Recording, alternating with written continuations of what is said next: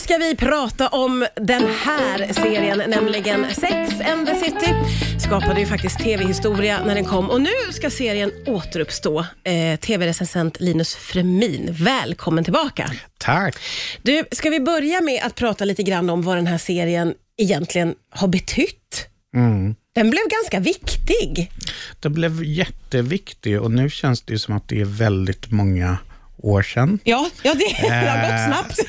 För det, det är ju ändå så här, den började liksom på 90-talet. Ja. Och jag menar, 90-talet känns ju, det är ju 20 år sedan. Det är länge sedan. Eh, Men den var oerhört viktig, för det fanns egentligen ingen serie innan som pratade om kvinnors sexualitet och sexliv på det här sättet. Mm. Jag brukar köra referenser med Pantertanter som var Ja, The. Golden Girls som var en så här fantastisk eh, komediserie på, på 80-talet. Ja. Som var liksom, de var ju 50-60 plus, men de hade också så här, pratade väldigt rakt om sex och relationer.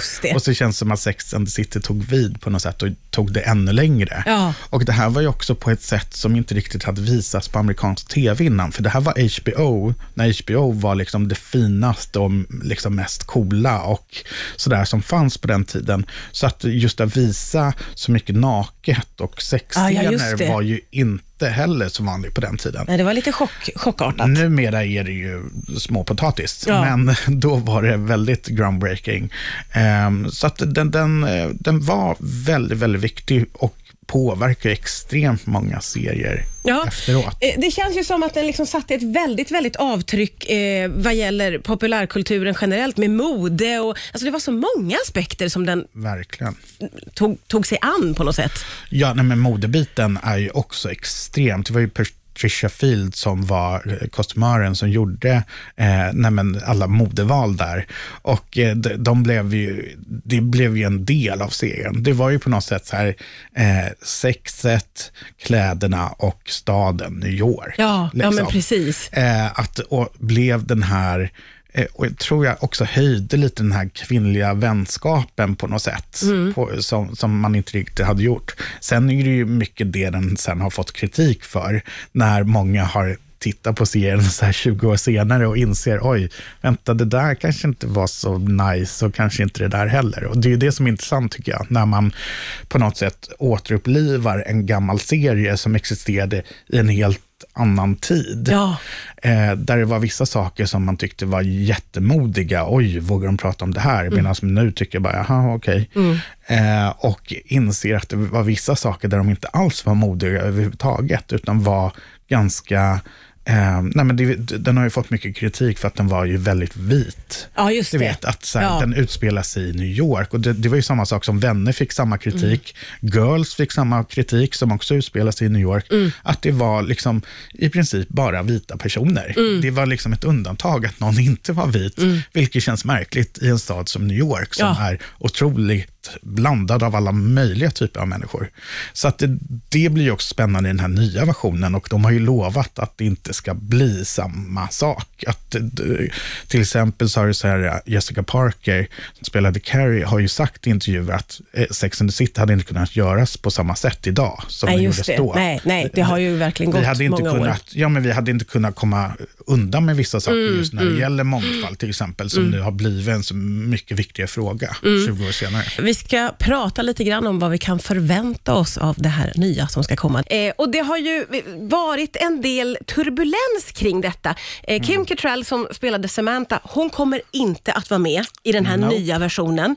Och Det ligger massa groll bakom. Varför vill hon inte vara med längre?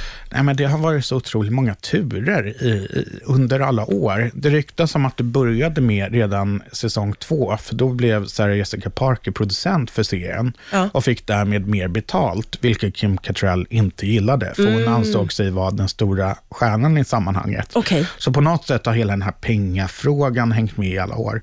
Men det har varit så många turer och så liksom har de både förnekat och lite sådär.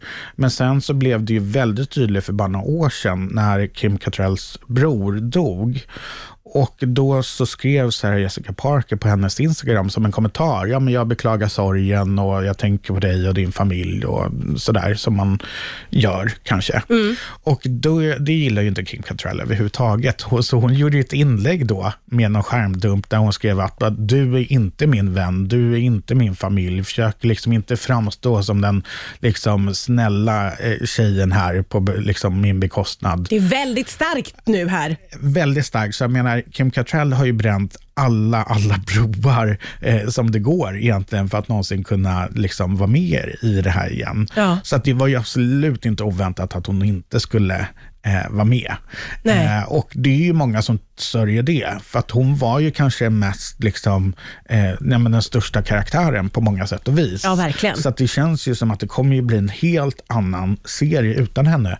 Men det kanske blir något annat som blir bra. Ja, ja. För det är ju väldigt tydligt att de tre andra skådespelarna, Kristen Davis, Cynthia Nixon och Jessica Parker, har ju alltid eh, kommit överens mycket bättre. Ja, de är det. ju väldigt, väldigt nära vänner privat. De har gillat varandra. År, liksom.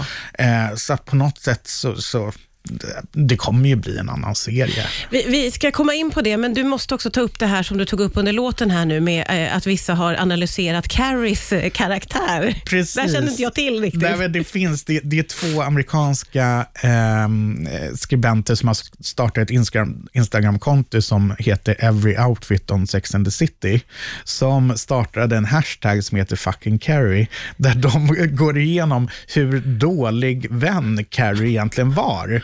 Så här, eh, att hon gjorde så många otroligt, eh, ganska elaka beslut liksom, mot sina vänner, att allting handlade om henne Ja, ja. och hennes problem, att hon var helt ointresserad av de, de, de andras. Och det finns så måga roliga exempel, så när man liksom kollar på serien igen med de glasögonen Ja, så inser man ju att bara, men det stämmer ju. Sen kan jag tycka det är lite kul att Carrie är den här lite så här antihjälten på något sätt, som bara är så här, men det handlar bara om mig. Det, jag, jag, jag. Ja, ja, ja, ja. Och, eh, så att, nej, men det är väldigt roligt och det är roligt att se alla de här reaktionerna när man, och grejen, det här kommer från två tjejer som älskar serien. Ja, ja, ja. Så det är så här, bara, de ser alla liksom, eh, och det, det är ju samma sak som jag kan störa mig på jättemycket när jag har sett Vänner i efterhand, men jag älskar fortfarande serien. Ja, ja, är samma precis. Man sak kan med den här serien. se om den. Ja, Ja. och inse att, ja, nej men det blev inte så rätt. Nej, just det. Hon var Eh. kanske inte världens bästa kompis. Vi ska nu komma in på vad vi kan förvänta oss. Eh, Samantha ska inte vara med. Eh, Nej, eh, det vi vet är att det blir tio avsnitt, eh, halvtimmes långa. De börjar spela in i vår i New York och jag tycker det är, det är ganska dålig timing. Ja, det är det ju en- verkligen. För en serie som handlar så mycket om New York, att gå på flashiga ställen, så undrar man ju hur de ska kunna spela in när Ja. det är i princip lockdown där. Sen så vet jag att det är andra tv-serier som spelar in där, så att det inte är omöjligt. Men jag, det känns som en ganska stor utmaning att få rätt känsla. Ja, och vad kan man förvänta sig för känsla? För nu ska vi då få följa de här kvinnorna i, jag gissar, 50-årsåldern. Ja, man får ju hoppas det. Eller vad är det för ålder? Ja, det, men, för de har ju alltid så här anklagat för att du vet, ha retuscherade eh, liksom affischer och sånt där, att de inte ska framstå. Men alla skådespelerskorna är ju 50 plus. Så Ja. menar, det är ju det jag tycker skulle vara intressant, att i den åldern liksom verkligen kunna borra sig ner i de ämnena som de är kända för, relationer och sex och så Mm, vidare. Eh, för jag menar, det är ju något annat än att prata om det när man är 35. Ja, och det är ju också en Eh, annan tid som du var inne ja. På. Att det, det har hänt så mycket. Jag menar, internet fanns ju knappt när Nej, nej. fanns. Fanns det mobiler? Jag kommer inte ihåg. Nu kan men det- man mejla och Nej, grejer. men liksom, det fanns ju inte samma, så här, hela, de har ju missat hela så här, på något sätt så här, Tinder-kulturen som nu kanske har Ja, dött det. igen. Men du vet, det är många sådana som de har missat. Så Ja. Jag undrar liksom hur de ska träffa rätt i tiden. Ja, men vad har du, om du skulle få önska fritt, vad har du för förhoppning? Nej, men, eh, för det första att Mr Big dör i första avsnittet. Det är alltid... Linus! jag, jag har aldrig eh, riktigt gillat honom. Eh, så jag tänker att det vore bra och så får man liksom följ, följa liksom Carries så här, sor- sorgeprocess, men sen att hon liksom tar igen det på något sätt och Ja. börjar ligga runt eller något. Men det är ju, för jag tycker att det var det som var det sköna med Samantha, som ändå var tror jag, ja, mellan fem och tio år äldre i serien, var ju just att en äldre kvinna som liksom tar för sig sexuellt, mm. det ser vi inte så ofta.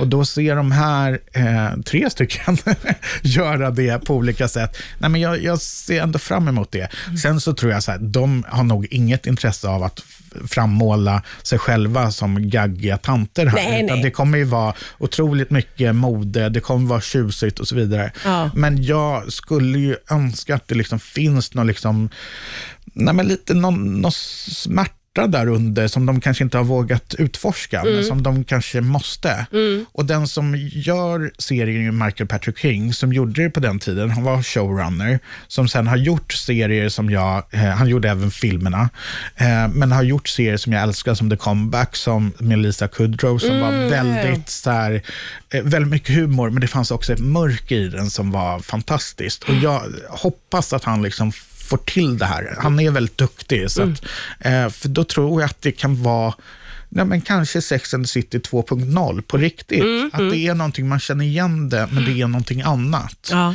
Eh, för, för, annars tror jag att här, om de försöker återskapa för mycket av Nej. det som var, Nej, det vill man inte. Nej, man, man, vill att de ska ta nästa steg lite grann. Ja, ja. så det är väl det vi får se. Mm. Jag, jag, tror ju att den antingen kommer bli superbra eller så superkass. Ja, ja. Att det är antingen får, eller. Ja, men lite, nej, men jag tror det. Jag tror, inte, så här, jag tror inte jag kommer kunna se på den och säga ja, nej, men det var väl okej. Okay. Som man kanske gjorde med typ den första filmen och sen hatar man den andra för den var hemsk. Starka men... känslor hela tiden med Sex and the City. Vi får helt enkelt se. Det ska spelas in i vår och sen får vi se när det dyker ja. upp. då. Eh, Eh, stora förväntningar. Vi kan säga det att blir man sugen på att se filmerna så går de att hyra på Viaplay. Tusen tack Linus Fremin för att du kom hit idag.